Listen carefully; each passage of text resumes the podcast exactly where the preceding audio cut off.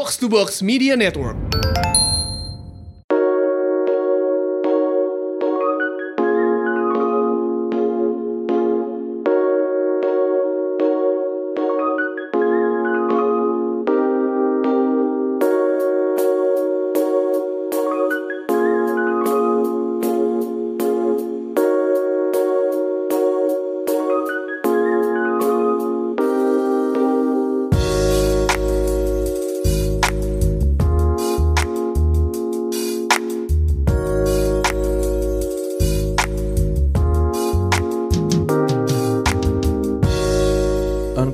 Episode ke-13 Masih bersama saya Randi dan Gustika. Kali ini Gustika lagi-lagi mengajak tamu Tolong perkenalkan Gustika siapa tamu andalan Tamu kita hari ini kehormatan. Tuhan. Ini Tadi tadi pas tadi pas uh, Randi ditelepon sama Coach Yasin gue bilang. Oh ini Tuhan "Wah, ini Tuhan panggil lo. Gue langsung lari buru-buru Ya jadi Coach Jasin ini adalah Gustika dalam dalam wujud laki-laki sebenarnya Sama-sama tukang ngegas di Twitter ya Sama-sama tukang ngeblok juga gitu Tapi Tapi eh, Coach Yasin lebih lebih Tuhan. lebih advance memang nih Lebih orang dewa. orang ini lebih galak Nggak galak sih, gue nggak merasa diri gue galak. kok. Sama Coach. Tapi- Cuma orang-orang aja asumsikan kita galak. Iya, orang itu kan selalu berharap bahwa kita tuh harus karena karena budaya Asia jadi harus lembut, lemah, ramah. Exactly. Nah ini dua-duanya gede di di Eropa ya. Ini jadi jadi saya. Enggak, saya tidak gede di Eropa dong. Oh iya kamu kamu, kamu cuma kuliah aja di Eropa ya. Iya. Untuk gue bullshit. you you just to be yourself dan dan intinya Exactly. damai di dunia ini kan lahir kalau kita bisa menerima pendapat yang berbeda. Betul. Nah di episode kali ini kita mengambil tema omongan-omongan yang jahat ya. Iya, omongan paling jahat. Omong-omongan paling jahat. Jadi ternyata kadang itu kalau kita dihina sama orang yang kita nggak kenal tuh malah nggak berasa gitu. Kayak di Twitter gitu diceng-cengin orang nggak di- nggak dikenal nggak peduli ya coach ya. Iya. Eh kayak lu siapa, Nggak prestasi peduli lu tapi- seperti apa pe- gitu. nggak peduli tapi blok aja. Bener. Dan Blok aja, tuh nggak betul. ada salahnya. It's Takutnya like- malah merusak eh, mood lo. mood hari itu karena gitu. I- I- gimana pun juga lo orang, lo manusia, and sometimes like it gets you, but like kadang Kadang-kadang kadang kita tertrigger lagi lapar atau kita lagi, lagi bad mood, lagi lagi bad mood, segala lagi macam, down, lagi gitu. apa. Jadi mending ya blok aja. Apalagi uh, tadi uh, gue sama coach sempat ngomongin jadi biasanya yang kita blok tuh kayak orang-orang yang follow lo juga enggak, tapi bacot. Iya iya iya. Jadi kayak ya udah, lo nggak ada gunanya di hidup gue. Kalau mind blocking you. It's gue- it's nothing. Itu bukan tentang kayak gue sensi atau gimana, tapi kayak ya lo nggak gunanya di hidup gue. gue baru-baru ini kena nih. Jadi gue eh, Oh, sama iya. Ajis kan bikin program bergunjing ngomongin orang. Terus Mhm. kita ngebahas tentang Agnes Monica. Oke. Terus fansnya nyerang tuh, nyerang segala macam. Wah, eh, apa namanya nggak pantas untuk ngomongin Agnes Monica, prestasi lu apa segala macam. Nggak dibaca juga nggak peduli sebenarnya. Iya. Omongan-omongan jahat kayak gitu tuh cuma bikin ganggu mood hari-hari aja sebenarnya. Hmm. Gitu. Kalau coach yang sudah lebih berpengalaman, omongan apa coach yang Paling kayak jahat. Paling jahat yang lu pernah terima? nggak bisa dibilang ya. Hmm? Salah satu yang jahat contohnya adalah kalau gue cerita rahasia gue ke lu lah. Hmm. Contoh rahasia yang sebuah kesalahan yang gue pernah lakukan. Secara tidak langsung kan gue berharap lu keep it secret Iya. lah. Terus kita lagi ngumpul rame-rame lu keluarkan. Oh, merasa Itu- dihianati ya? Oh ya. itu Dia merasa ya, ta- tapi bukan particular topik entah itu agama atau ras atau apa. I- don't really care buat itu. Ta- Tapi lebih ada beberapa di mana momennya nggak tepat, moodnya mungkin juga nggak tepat. Terus lu keluar, walaupun itu mungkin sepele untuk lu, untuk lu bercanda. Iya.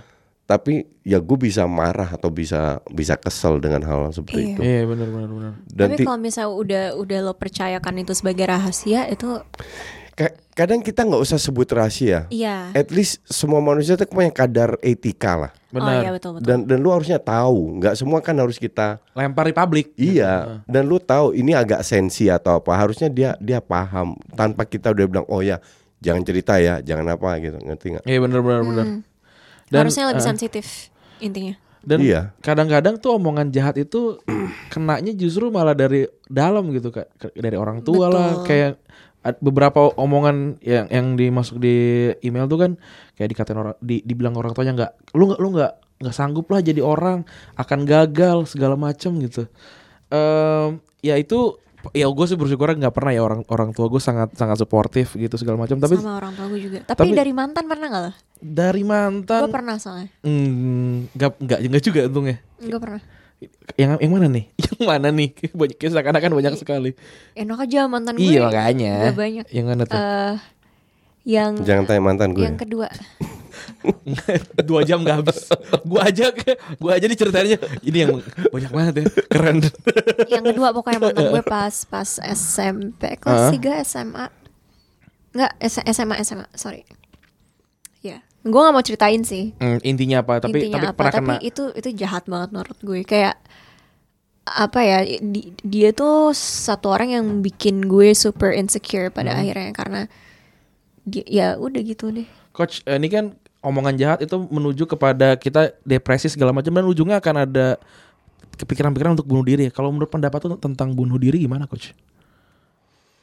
Buset, berat banget loh. Iya, kita kan bahasannya memang begini. Iya, soalnya soalnya ada ada yang bilang ada yang kirim email dengan tema tersebut ya kan Gini Iya. ya, gue gue sekarang umur 52 tahun. Iya. Dan gue pernah mengalami masa-masa kelam juga. iya Masa kelam itu bukan berarti nggak bisa makan atau hidup susah enggak. Di mana I have to to find my identity. Iya. There was a time di mana gue ingin bunuh diri. Identity crisis lu juga pernah kena? Oh iya, gue Oke, mengalami mena- menarik. itu juga. Gue Sebagai- mengalami itu eh, juga. mungkin karena third culture kid juga atau enggak Mungkin, I don't know. ya somewhat Intinya kan adalah seperti yang gue selalu katakan, gue ini anak jalanan. Oke. Dalam arti Belajar di jalan. gue belajar di jalan. Jadi kalau lu belajar di jalan tidak ada yang nyetir lu di belakang, lu tabrak sini, tabrak sana, tabrak sini, dan karakter lu dibentuk karena lu udah sering nabrak. Lu nggak mau nabrak terus dong, iya Iya. kan? Dibentuk seperti itu. But there was a time eh di mana gue merasa, duh gue capek dengan hidup ini, gue pengen bunuh diri. Padahal lu Ta- bold banget ya. Gue rasa gue Ta- kira nggak- tapi tanpa tanpa ada yang menghina, tanpa hidup gue susah, tanpa karena gue merasa lu hidup sekali, you have to to be the best atau to reach yang maksimal gitu loh. of yourself. Iya. Ya oke. Dan di masa-masa itu ini mungkin kembali ke agama lagi ya. Dalam arti kalau kita mati eh dunia ini apa sih? Di dunia itu ma- masih banyak banyak planet-planet lainnya. Jadi sebenarnya kalau kita lihat yang namanya bumi itu nothing. Itu Kecil kecil, banget ya, kecil banget. Iya kan? Dan if you die, you die. Nah, dengan pengaruh eh, pemikiran seperti itu lahirlah lu Pemikir- jadi depresi karena mungkin gue udah lupa mungkin gua ada masalah dengan kerjaan bukan dengan cewek ya Iya, iya. karena itu gue aman-aman aja kalau soal itu terus dengan ya banyak hal sosial lah Kayak Iya. lu kayak lu mungkin kayak berpikir kayak ini gue mau ngelakuin apa pun gue tetap kecil di dunia ya iya gitu. dan gue ingin jadi besar Ah, tapi lu tidak tahu caranya gitu. gue tidak tahu caranya dan Oke. tiap kali gue berusaha gue kebentur kebentur kiri kebentur kanan Oke. itu ada masanya ada masanya juga gue tidak percaya Tuhan Hmm. ada masa-masanya juga gue tidak percaya agama Hmm. Tapi untung tidak terlalu lama masa-masa itu karena gue kan cenderung semua belajar Oh, iya. belajar belajar belajar nah karena banyak bikin kesalahan jadi gue ibaratnya lebih kuat di usia muda Hmm. secara mental lebih matang lah Tapi itu dia yang co- coach ini kan ngomongin kesalahan ya. Hmm. Zaman sekarang tuh ada yang namanya cancelled culture. Coach pernah dengar? Nggak tahu. Jadi cancelled culture itu ibaratnya kalau misalnya eh, kita membuat kesalahan sesuatu terus dianggapnya fatal, dibilang you're cancelled. Intinya tuh kayak udah pokoknya lo tuh Udah udah gak ada masa udah- depan. Lo gak ada masa depan. Lo you're cancelled. Abis Intinya lo. kayak lo tuh nggak nggak boleh dianggap lagi. Lo nggak boleh kasih platform platform lagi. itu beredar di kalangan milenial ini millennial Gen cancel Z gitu. culture gitu. Oh, Gen Z, oke. Gen- Iya, iya, antara itu lah millennial- millennial dan Gen Z. Dan Iya. menurutku sih itu toxic banget ya, karena kan kita semua melakukan kesalahan growing up ya. Iya. I'm not the same person as I was waktu SMP SMA. ya Jadi coach juga sama ya kan ya pasti. ya, ya. Dan itu kadang yang membuat orang tuh depresi gitu. Iya kayak ngerasa kayak gue tuh kayak udah nggak punya kesempatan lagi deh. Terus kalau gue mau mulai lagi, kayak kayak udah terlalu jauh. Gue bahkan nggak di Iya, nol, gue di salah, minus nih. Salah ngomong dikit terus kayak you're cancel. Oh, iya, itu iya, kayak iya. anak kayak mungkin problem Dan ini kejahatannya kejahatannya, Kejahatan eh, netizen. digital kan. Kita Iya. juga sekarang apa pun yang lu lakukan, tweet lu 10 tahun yang lalu udah lu hapus masih ada itu sebenarnya Iya, kan. iya, Sebenarnya gitu iya. kan. Actually kayak uh, waktu awal-awal yang kejadian viral-viral Hmm. itu yang Sandiaga yang itu. Iya, Daniel Anzar, Sandiaga Oh, Daniel Uno-nya nggak Anzar, salah. oh iya. Danielnya itu. Yang ya gue cuma ngedumel doang kan Iya. sebenarnya. Itu gue kayak sampai ngerasa kayak socially anxious sampai kayak muntah-muntah yang Bentar, kayak gue nggak paham apa yang terjadi dengan Da- Daniel Jadi- Lansar itu. jadi waktu uh, kayak awal-awal gitu tuh kayak bulan November lalu ya. Hmm. Tahun lalu. Tahun lalu aku kan sempat viral. Itu pertama kali. Nggak tahu aku. Nggak tahu kan? Nggak tahu. Nggak tahu ya. Oke, itu pertama kali Ya, itu terjadi. Karena jadi jadi karena Daniel Anzar menyamakan Sandiaga Uno dan Prabowo itu Sebagai seperti Soekarno-Hatta. Soekarno-Hatta gitu. oke. Terus aku kayak ngedumelnya anjing apaan sih kayak Hmm. kesel gitu.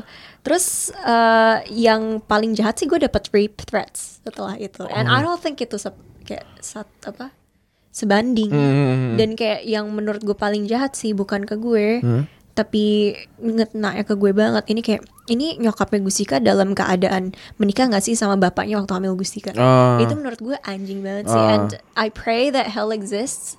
And they would, you know, suffer forever in hell. Kayak Mbak, bentar, bentar. Orang yang bilang itu, do you know him, her? No, I don't. No. Tapi kayak at the time, That- because I didn't, I didn't like, I had no experience Ya, dealing oke. with exposure. Oke, oke, oke, itu oke. it hit me quite Iya, hard. iya, iya. Karena itu kayak, Randy mungkin tahu, itu pas viral tuh langsung kayak, bam, Iya. langsung Ya, Apa ya, tiba-tiba satu- an- satu anak yang nggak gitu. anak yang nggak pernah jadi dapat dapat exposure tiba-tiba semua orang menuju pada Dan itu peng- Gustika gitu. pa- dan pengalaman sosmed itu baru-baru aja. iya dan itu Terus langsung viral. Langsung. Iya. Gue juga awal-awal gue aktif di Twitter, I experience the same thing. Hmm. Bukan viral, tapi dengan eh, apa namanya reaction Iya. yang berlebihan, yang bawa emosi dan lain-lain. Karena kalau gue lihat Iya. kalian berdua kan bold sekali ya gitu, beda gitu dan Iya. kayak oke gue beda kenapa gitu. Iya. Dan di, di tweet Iya. gitu ya ya ya. Tapi kalau ini kayak langsung kayak bam gitu. Iya, iya. But it's it's how I speak normally. Tapi kayak orang kayak yang ini kalau- tadi gue juga Hah? di luar ngomongin sama Febri Hah? kan tadi ada Febri. Hah?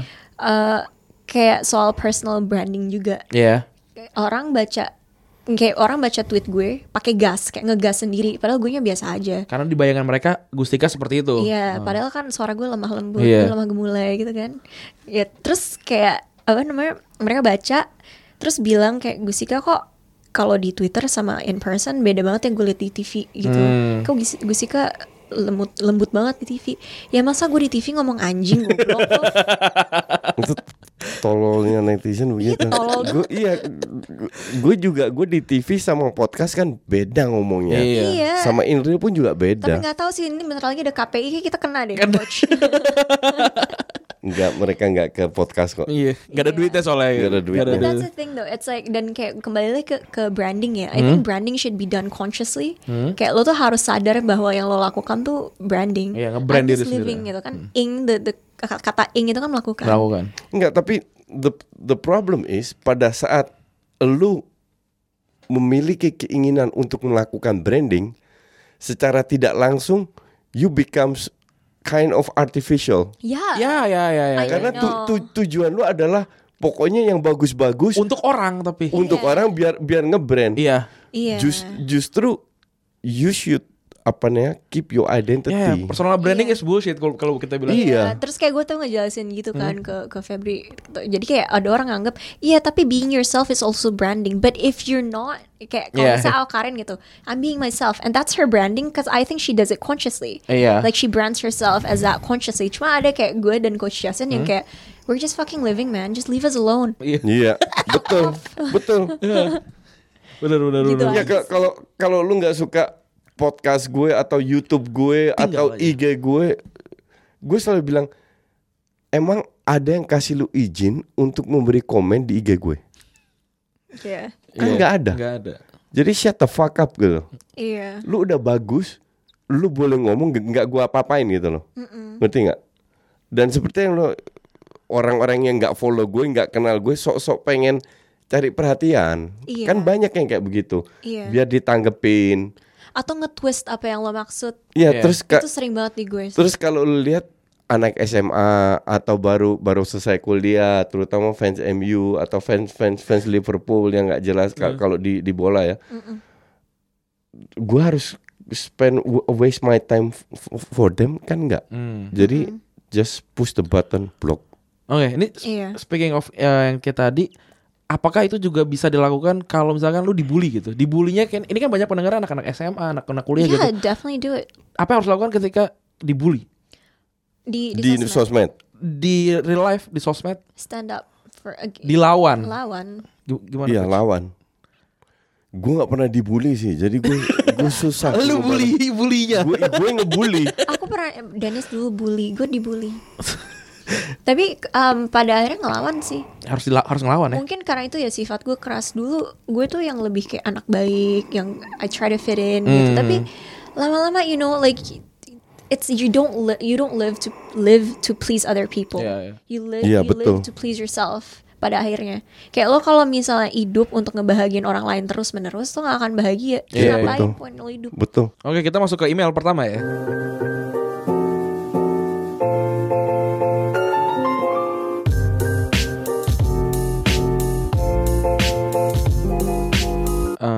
Saya mulai aja langsung ceritanya. Saya ibu satu anak, masih 21 tahun. I know, I know selama dari kehamilan 2 bulan saya ditinggal sama pacar saya nikah sama orang lain. Lagian juga dia abusive, jadi not my loss. Iya nggak apa-apa lalu lanjut dengan hari-hari penuh stigma dari lingkungan kerjaan dan rumah. Tapi eventually everything gets better setelah gue mau accepting flow gue bahwa gue bodoh dan nggak terpapar sex education dulu. Jadi it is what it is. Kadang seneng banget berkawan sama depresi. Karena pada dasarnya hanya itu yang bikin gue masih manusia dan gak kosong awang. Tapi sering seiring berjalannya waktu, anak gue ini gue besarin sendiri dan hanya butuh waktu 6 bulan untuk gue tiba-tiba berpikir bahwa ini salah satu penyesalan terbesar gue. Ya gue punya anak di usia segini dan gak aborsi. Memang sesungguhnya pekerjaan dua orang, gue nggak pengen punya anak, gue masih pengen jadi reckless dan konsumtif kayak anak seusia gue. Gue baca-baca katanya mungkin baby blues. Kalau iya I need help, tapi sus- susah address perasaan ini ke orang atau minimal mencoba mencari bantuan juga enggan. Gimana ya? Peng- pengen pernah pengen mati, tapi ya gue yang gue pikirin cuma ntar siapa yang ganti popok dia kalau gue mati. Sebuah alasan ringan yang anehnya sedikit berfungsi, sedikit. Terus gue bingung gue kenapa kenapa kok gini benci sama anak gue. Eh, oh ternyata butuh seseorang yang bisa kasih gue time out sama dunia. Nah kan nggak ada. Jadi energi gue habis dan up nangis dong jam 3 pagi. Apa nggak sengaja kerja dilemburin? Gue capek banget sekarang dan lucunya universe let me tell my story to stranger lewat Twitter. Pernah nggak merasa bahwa pet yang sekarang lu sentuh dengan telapak kaki lu tidak membawa lu ke mana-mana tapi kesialan aja? Eh, gimana ya caranya gue dengan banyak dan tanpa kurangnya membesarkan anak sendirian? Bakal seper- seperti apa sih dia setelah gue mati-matian berjuang? Worth it gak sih? Nggak tahu. Anyway untuk mbak Gustika I name her my baby.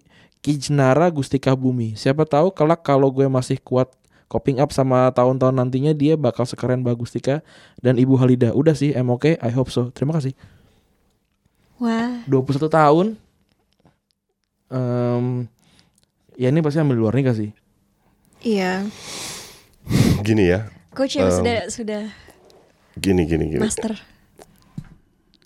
Kalau gue bilang jangan sekali-sekali menyesal atas perbuatan lu. oke Hmm, betul. Itu sudah lu lakukan pada saat lu lakukan itu dengan kesadaran, lu tidak diperkosa, Hmm. lu melakukan dan it happens. Lu dapat anak berat. Gue sadar banget. Gue nggak punya anak, punya income dan lain-lain aja masih berat, ngerti nggak? Apalagi ini umur 21 kecuali lu dari keluarga kaya banget ya. Tapi kalau nggak kan lu hidup lu berat banget. Banget. Iya. Apalagi di Jakarta, gue nggak tahu itu di mana. Jadi satu saran gue jangan menyesal, oke? Eh, kedua, don't play victim. Jangan seolah-olah, aduh gue butuh bantuan nih, gue lemah nih, enggak. Hmm. No, lu harus put in your si ibu ini, at, enggak, jangan ibu ya, 21 tahun. Seorang ibu. Adik-adik, adek adik ini harus berpikir taruh eh, di mindsetnya bahwa dia akan mengatasi hal ini, Iya. bahwa dia akan bangkit lagi. Karena em, banyak orang itu tidak sadar atas kekuatan kemampuan diri sendiri. Oh, menarik. Ngerti nggak? Itu hanya bisa kelihatan pada saat di mindset lu ditaruh di ditanamkan bahwa I will survive. Gua akan bangkit, gua akan meroket.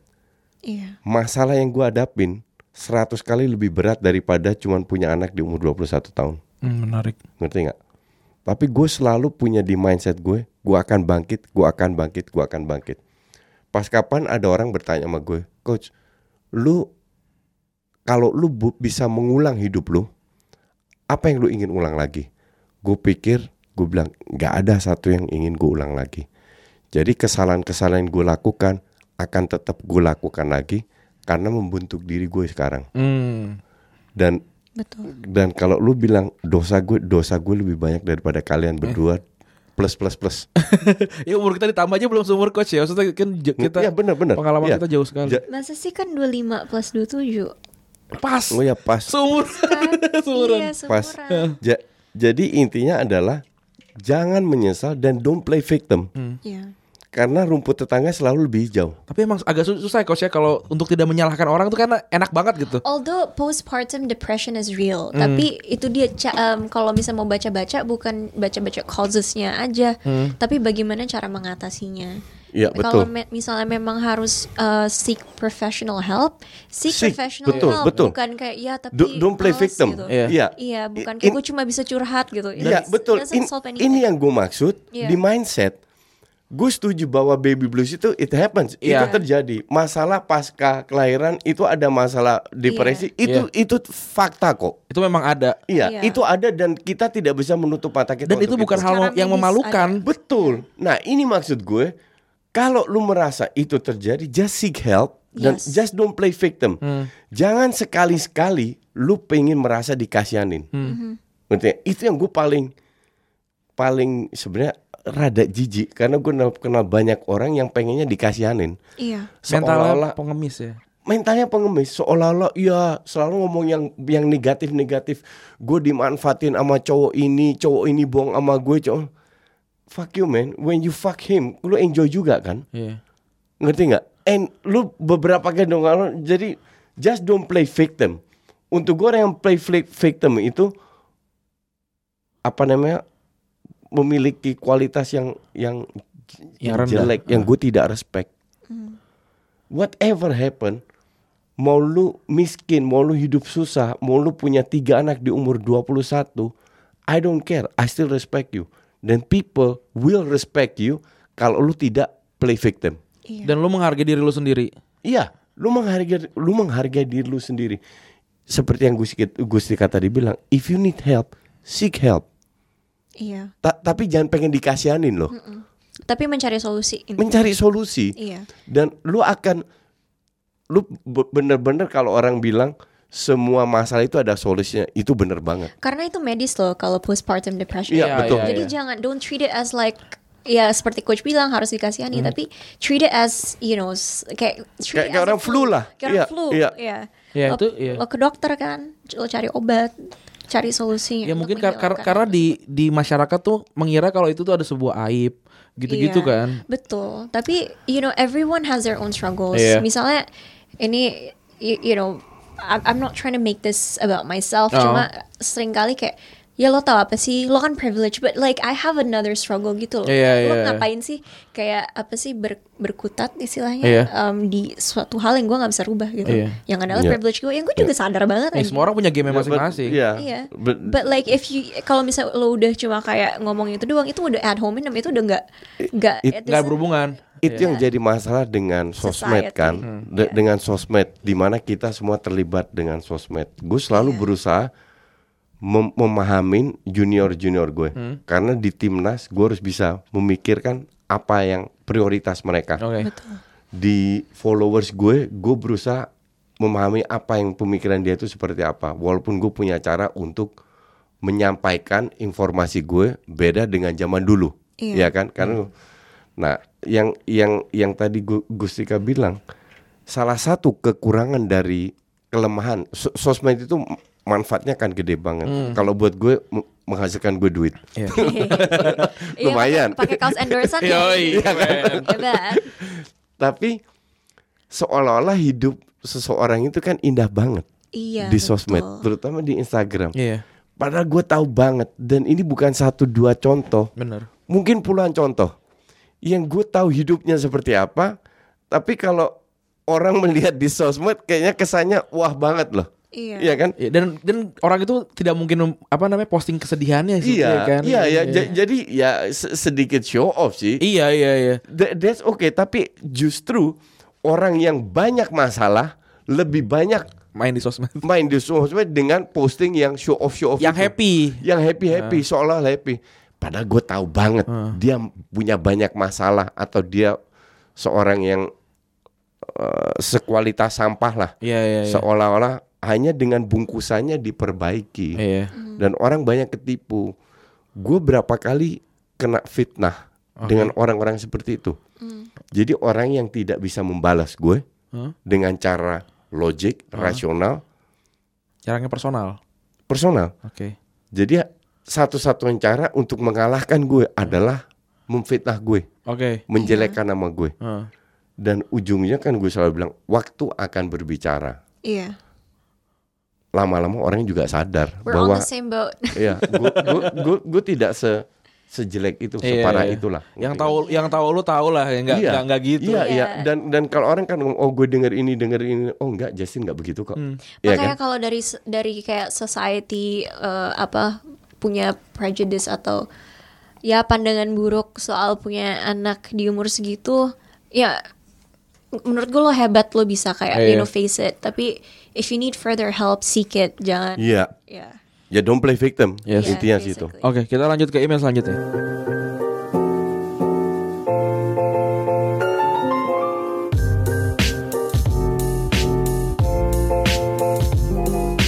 Hai Randi dan Gustika, saya R, umur 20 plus plus saat ini. Saya tengah kuliah di salah satu universitas di Indonesia.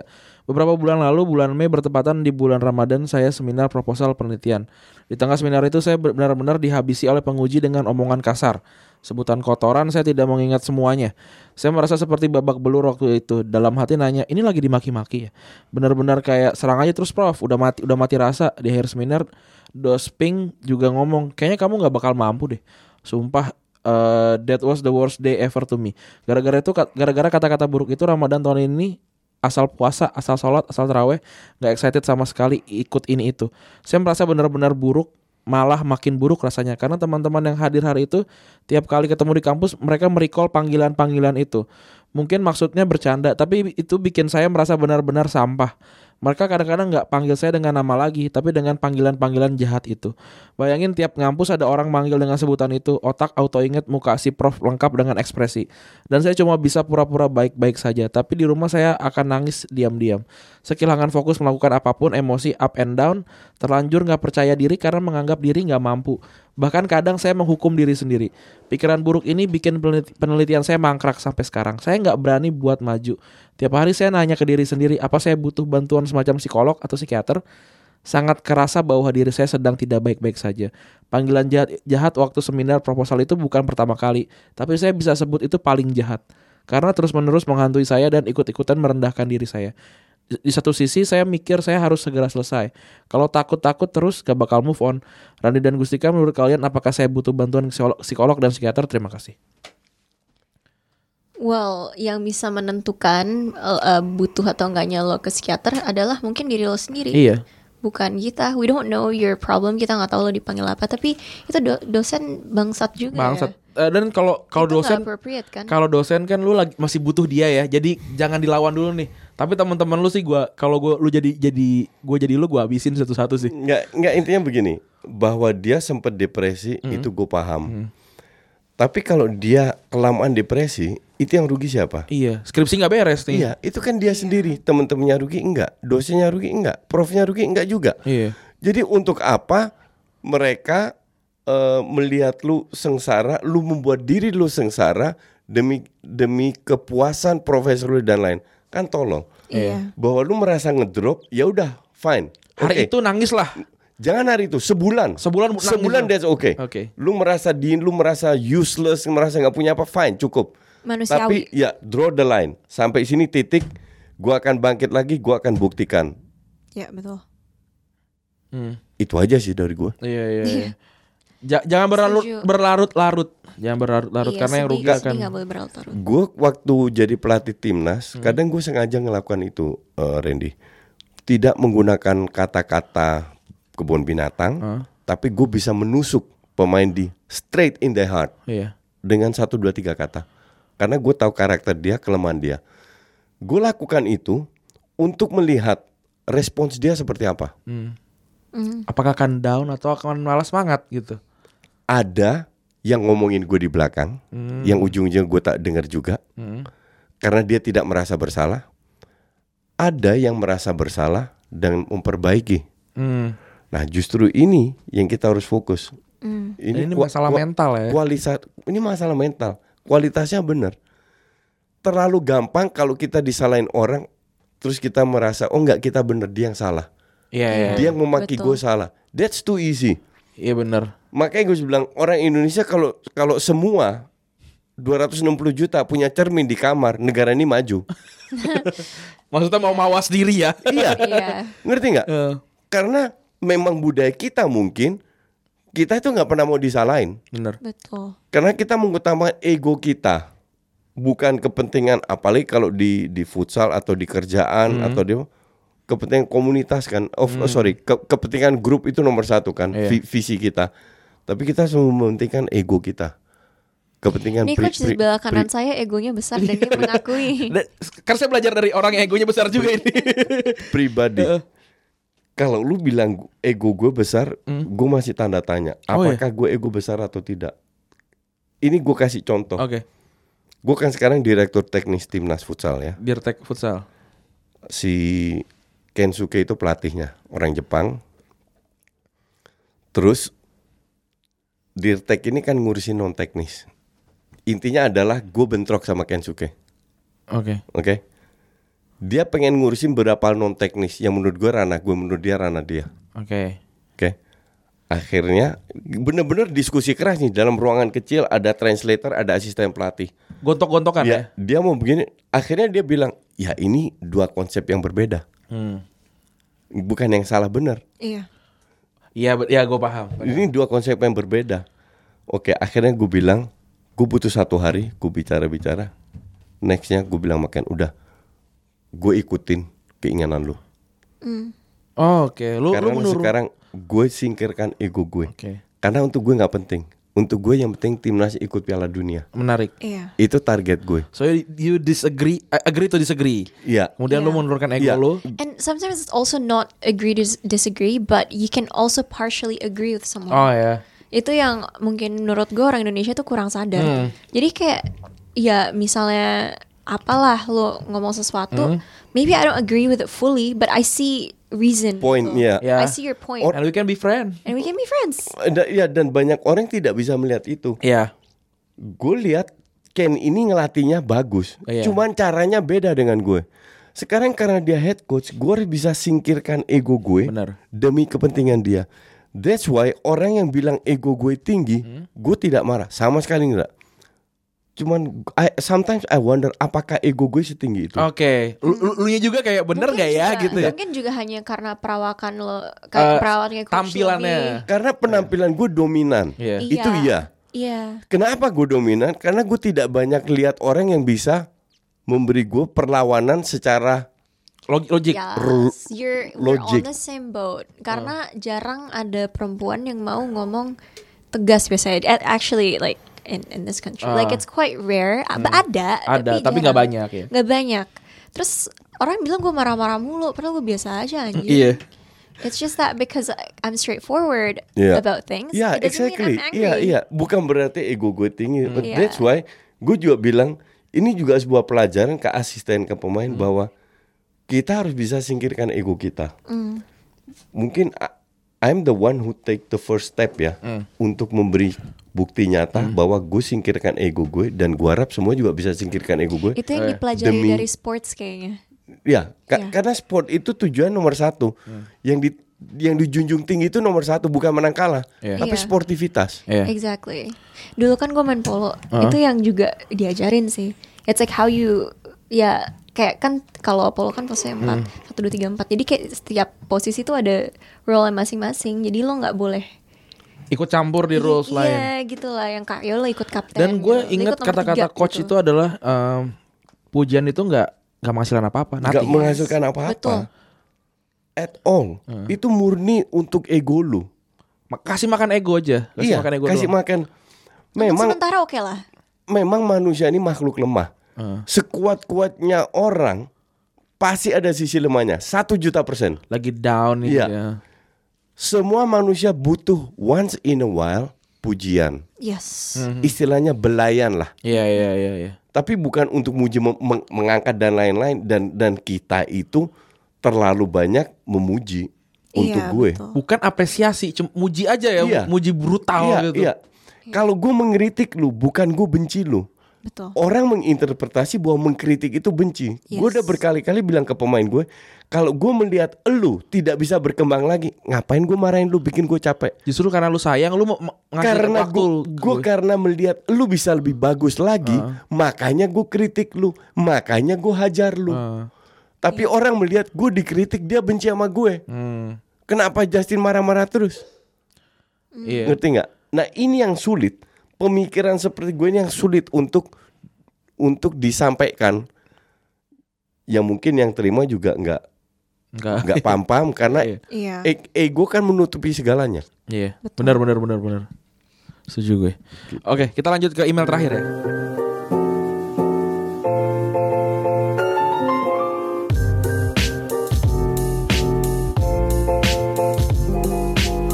Eh, Hai Kak Gustika dan Karandi kenalin nama aku F. Nggak apa-apa disebutin lagi yang namanya F juga banyak. Ini ceritaku kayaknya nggak nyambung sama topik yang kakak-kakak lempar nggak apa-apa ya. Yang penting dibacain. Umurku 26 karyawan di perusahaan swasta. Aku kenal orang ini 8 tahun yang lalu. Waktu aku ospek di kampus dia kakak kelas di kampus galak banget waktu kampus. Tapi you know lah kadang cowok brengsek punya pesona sendiri Pendek cerita aku pacaran sama dia, cowoknya penyayang banget, humoris, dia bawa aku ke rumah ke mana pun, dikenalin ke orang tuanya, dikenalin ke teman-temannya, sederhananya banget, sederhana banget caranya ngikat aku. By the way, aku lahir dari keluarga muslim konservatif yang mengharamkan pacaran, tapi tinggal di perantauan bikin aku lepas dari pengawas orang tua. Di titik ini aku nangis nulisnya. Pacaranku sama pria ini lumayan lama, hampir 8 tahun, angka yang nggak kecil meski Ini dia cowok yang nulis. Cewek, Cewek. cewek. oke. Pacaran di, di sama sama pria ini lumayan lama, hampir 8 tahun, angka yang gak kecil meski dia sering selingkuh dan mengeluarkan jurus hebatnya, sujud di kakiku sambil minta maaf dengan air matanya. Tentu saja aku selalu Been there. kalah. Been there. Enggak. It- itu tololnya cewek di situ. tuh. Tapi you grew up from it. Ya. Kayak I learned that it's not. Eh, it- semua belajar butuh waktu, Iya. coach. I never shed a tears untuk untuk Untuk love ya. bukan bukan bukan untuk love tapi untuk begging. Oke. Ah, oke. Untuk Well, aku, gak pernah begging sih. Entah berapa kali Itu dia kan melakukan begging itu. Iya, Enggak cowoknya yang begging. cowoknya begging. Iya ya itu cowoknya kan begging. Iya, tapi yang kena kena tipu ceweknya. Iya. Iya, dia kan tolol. Iya. Entah berapa kali dia melakukan itu sampai hafal. Tapi bukan aku berniat ninggalin dia, aku tetap saja jadi pengasuh, pelayan dan semua yang hubungannya sama dia. Intinya Girl, aktivitasku, aktivitasku sehari-hari cuma menyenangin dia, beliin dia ini itu. Maklum aku lulus cepat dan dapat kerjaan yang bagus, sedangkan dia bersikeras jadi freelancer. Yang padahal dia tahu semua nggak bisa mencukupi kebutuhan dan gaya hidupnya. Bisa dibilang 70% gajiku buat dia. Walaupun kami belum menikah. Dia berhasil banget mengontrol hidupku. Kuliahku adalah seni tari, otomatis aku kalau lulus pengen jadi penari profesional.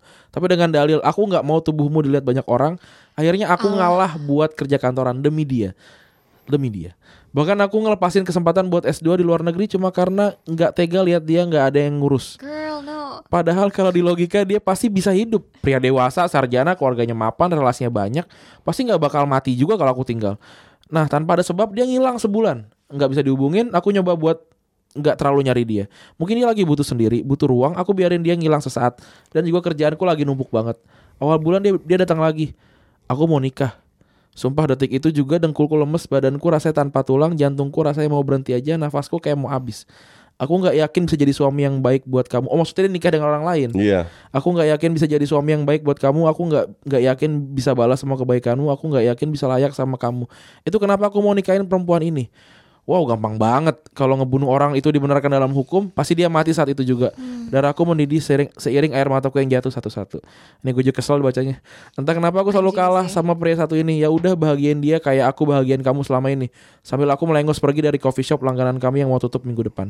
Mencoba untuk berpikir jernih aku lewatin beberapa hari lalu dengan dengan ambil cuti dan liburan ke Lombok bareng teman-teman. Bayarin apa pun yang mereka mau beli, beliin HP buat adik, adik dan mama yang selama ini nggak pernah aku kasih spesial pun. Beliin papaku batik yang udah lama dia pengen. Pokoknya apa aja yang selama ini aku nggak bisa kasih buat orang-orang yang bener sayang sama aku. Semalam merasa sedih, marah, gelisah, takut dan lain-lain makin kuat. Hampir aja aku mengakhiri hidup aku. Semalam, wow. Lalu Kunto Aji lagu lalu Kunto Aji dan Yura Yunita menyelamatkanku lewat lagu mereka. Semoga ma- nanti malam aku bisa lewatin rasa takut dan rasa trauma yang menghantui lagi. BTW th- thanks Kak Gustika dan Rani buat kesempatannya. Aku tahu sebenarnya ceritaku nggak nyambung. Aku cuma pengen berbagi aja. Wuh. Semalam dia baru ngirim ini sehari yang lalu. Oh wow. Oh hari ini. Hari ini ya. Oke. Coach silakan coach. Gue gue bilang sih dia harus bersyukur.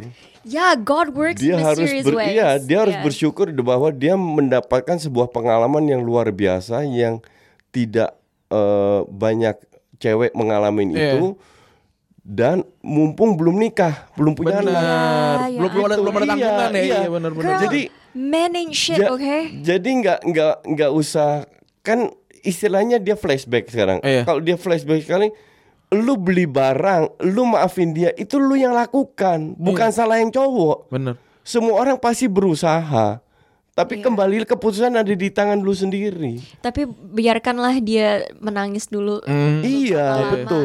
Ma- Tapi karena 8 tahun tuh lama banget. Lama banget. makanya Gustika kan gue bilang ini sekolah yang bagus buat dia. Iya, biar betul. biar ke depannya dia tahu cowok yang dia Karena pilih. cowok aku aja baru 4 tahun kayak iya aku udah 4 tahun. Ya udah udah udah kayak wah keren gitu ya. Udah, udah keren. Kayak anjing biasa aja. Nggak, dan dan j- jangan terbuai dengan air mata lah. Ya dan Tuhan. Tolol lah. Entah itu air mata dari cowok atau cewek ya. Iya. I don't Iya. care. Dan ini Tuhan dan semesta bekerja dengan baik buat lo ya gitu Iya. malah kayak Iya. gue gue nggak tahu eh, lo umur berapa F. 26. Oh, 26 ya tadi. 26, ah. Seumuran Iya, kita lah ya. oh, seumuran Oh, kita. Iya, oke, tapi kayak gue tuh mengalami digituin tuh pas gue SMA sih yang kayak Ah. maaf ya, ya kayak but then like Itu uh, toxic Terus, kan. toxic. terus terus nangis nangis. Aduh, gue melihat Iya. beruntung gue tidak pernah mengalami itu dan cewek gue tuh mantan mantan gue tuh nggak pernah. Tapi Hmm. gue melihat ling- ling- lingkaran gue ya cewek temen gue yang cewek dipukul habis itu minta maaf Abusive nangis lah. dipukul. Aku pernah. Aduh, Aku gue- ditendang. I I don't know what to say kalau gitu. Dan, dan cowoknya bisa kayak gitu kayak kalau kamu putusin aku, aku mau bunuh diri aja. Iya. Iya kan? Ya, go kalau- kill eh, yourself lah. mantan gue gak gitu sih, tapi gue pernah kayak eh, dijambak terus dilempar Tapi- sekali, Hah? ditembak, di, ditendang tiga kali. Tapi Di- dia dia menawarkan apa gitu supaya Terus dia nangis. Dia kayak iya maaf, tapi yang terakhir enggak. Terus gue kayak no, I can't do this anymore. Dan itu kan Itu pas itu pas cerita-cerita kayak gini kan banyak terjadi. Banyak ya. banget, banyak Iya, banget, banyak. banyak tapi tau banget. gak sih it's it's easy to say kayak saat saat ini ya kayak oh ya tinggalin aja tapi when you're in that relationship it's not that easy Iya, nggak benar, tahu benar, kenapa secara psikologis kenapa gue nggak tahu tapi kayak kalau misalnya gue ngeliat ke belakang anjing kenapa lo nggak tinggalin dari dulu goblok gitu Dan domestic abuse tuh lebih banyak dibandingin yang yang di luar dari ling- lingkup terdekat kan sebenarnya kan Di- dipukul Iya. dipukul orang tua, dan, memukul orang tua, dan pasangan itu, segala dan macam. itu terjadi pas kayak gue tuh pindah ke Prancis kan waktu itu kan mantan gue orang Prancis kayak itu udah kita tuh di saat itu udah pacaran 4 tahun. Jadi pas SM, SMA tuh kita nggak gitu. Oh, dia berubah. terus berubah banget. Dan itu kayak mungkin sebuah shock tersendiri untuk gue yang it, it took me to it took time for me to It- process all that- it that's all, good. all of it, yeah Harusnya sekarang at this Iya. moment iya kalau lu flashback kan lu bersyukur nggak nikah sama dia? I- Iya. iya gue bersyukur banget Iya kan? gila Nah, dengan bahas kembali oh korelasinya ke email tadi itu bahwa 8 tahun harusnya lu bersyukur dan sekarang lu tahu bahwa yang lu harus sayang itu ya orang tua lu Bener. Iya. dan keluarga Dan lu. diri sendiri. dan diri sendiri. Nyokap gue pacaran 10 tahun sama bokap gue, terus nih 8 tahun punya anak, terus keluar gue. Kasian nyokap bokap gue ujung-ujungnya cerai karena bokap gue melakukan sebuah kesalahan yang I'm not gonna tell you here because it's personal. Ya, it's not Tapi kayak important juga. k- gue kasihan sama nyokap gue Iya, gitu. iya. She could have- dia tuh pernah itu pernah mau dilamar sama dokter gitu. Terus kayak nyokap gue enggak, saya terlalu cinta sama Ya. Kayak oh my god mom soalnya dia kayak udah sempet kayak ngelempar cincin gitu segala drama banget gue kayak anjing nih sinetron atau gimana sih mah aduh Enggak, amat hidup lu ya ada ada orang yang seperti itu. Ta- ta- Iya. Tapi intinya kan semua orang punya cara sendiri untuk mengatasi. nyokap gue punya gue jadi dia kayak Iya. bahagia Ja- ja- jadi intinya adalah eh, whatever masalahnya, kadang itu blessing in disguise. Ya. It is God works in mysterious Iya, ways itu- and definitely Ke- ke- waktu lu bacain untuk gue reaksi gue kan cuma satu. Itu sekolah yang paling bagus buat gue. Iya. Sekolah hidup yang lu tidak bisa beli. Iya benar. dan mungkin lo sekarang bisa melakukan hal-hal yang sebelumnya itu dilarang gitu tau gak sih sama, sama mantan Iya. Iya, dan gue nggak tahu sih kayak gu- eh, mantan gue sih jarang kayak ngelarang-ngelarang gue gue juga tipe orangnya kayak misalnya gue dilarang sesuatu gue bilang gini emang lo boka- bapak gue ngapain lo larang- larang-larang gue iya, ba- anjing?" bapak lu aja nggak ngelarang. Bapak gue yang Iya. ngebayarin gue kuliah jangan ngelarang kok. nah iya makanya just in case kayak lo pernah dilarang-larang just do, do, Ya, do, bener. do it gitu Ya kayak dia bilang dia dulu penari ya. Dia penari. Iya, Ya, dia penari. penari. Iya, atau menari Mau- mau nggak S2 boleh. Iya, mau sekarang. S2 nggak boleh. Ya do it sekarang. you know what take take strip striptease Iya. classes why That- not? that- that's why gue bilang gue nikah umur 34 jalan 35 Gue bilang that's too soon Terlalu muda. Iya. You should enjoy your life. I know my mom my mom wants me to get married and I told her like mom can I get married at 35 she's like no. That's too young. No too old. Eh nyokap gue tuh pengen kayak gue tuh nikah sekarang gitu loh. Oh, Hayo lo Dennis, tengah Dennis juga kayak Dennis "Gue gak sudah dengerin siap." dia. Gue belum siap gila S2 aja belum Enggak I You should enjoy not get married life You should I enjoy know, your life right? yeah. I'm sorry Dennis Tapi dia gak denger podcast ini juga Iya. sih Dia apa Itu waktu kita bahas waktu kita Iya. apa, uh, Dia nggak mati dengerin kan. emang. Dennis parah lo Enggak kan kan intinya adalah eh ini- inilah salah satu yang gue kritik dari budaya Indonesia. Nikah itu tidak berdasarkan umur, tapi kedewasaan, tingkat kedewasaan. I'm not adult enough ya, karena Iya. semua orang timelinenya beda-beda ya coach ya. Iya. Backgroundnya beda, Betul. education Masalahnya se- semua beda, beda, semua iya. iya.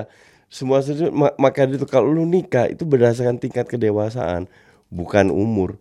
Ujung-ujungnya apa? Gue nggak heran di Indonesia banyak percer- Perceraian. perceraian. Iya.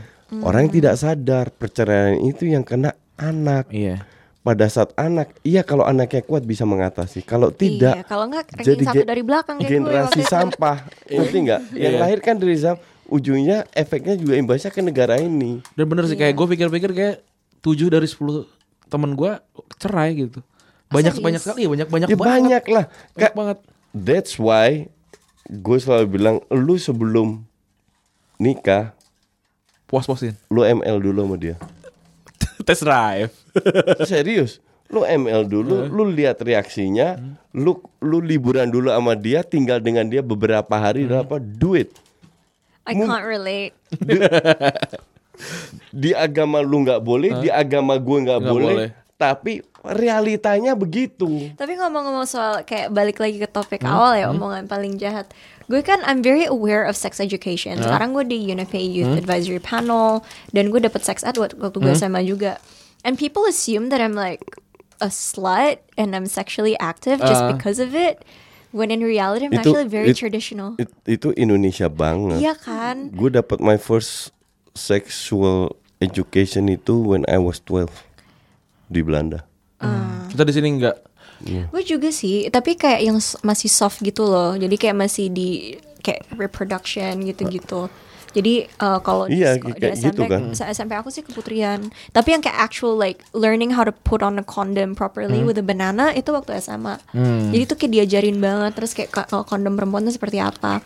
But then people assume that I'm like Iya. sexually active all the time. Gue kadang kasihan sama Dennis maaf ya Nis. Karena Tapi ya ah, gitu. Karena karena karena asumsi kan sempat bikin video tentang sex eh, education kan. Iya. Itu sex education tuh sering disalahpahami dengan nya- ngajarin gimana caranya nge-sex. Bukan caranya pembelajaran sex education kan pelajaran tentang alat safe kelamin sex. gitu. Iya dan safe, sex, dan segala gitu. macam Dan gitu kayak kan. gimana STDs tuh apa. Iya. Tapi kayak itu omongan yang menurut gue jahat sih karena kan kita tinggal di di sebuah society yang adalah Indonesia.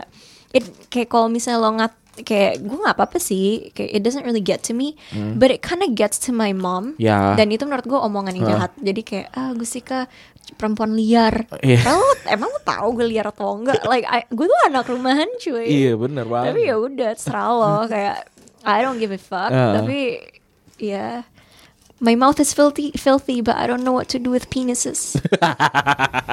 Oke, eh sudah seperti itu. Wah, 48 menit. Terima kasih coach sudah menemani Ya, kami berdua di sama-sama. sini. eh by the way, gue sebenarnya janji cerita soal itu loh, Apa tuh? yang protokol istana. Oh iya, nanti aja kita eh, minggu depan eh minggu depan episode selanjutnya. ya? Iya, episode selanjutnya aja ya, Selanjutnya. jangan sekarang. Jangan sekarang. Ya, jadi episode apa pokoknya next week Uh-uh. we're gonna take Dua episode dua karena episode karena akan ke Cina. akan ke Cina. Dan Coach Jason akan ke ini ya ke, Ke Bangkok Bangkok, ya. Coach Eh, ya? lusa ya? Lusa akan hari Lusa. Kamis akan ke Bangkok Wish untuk our timnas the best of luck. Iya, terima Itu- kasih. tapi itu nggak nggak bad luck ya kalau kalau di sepak Jinx. bola.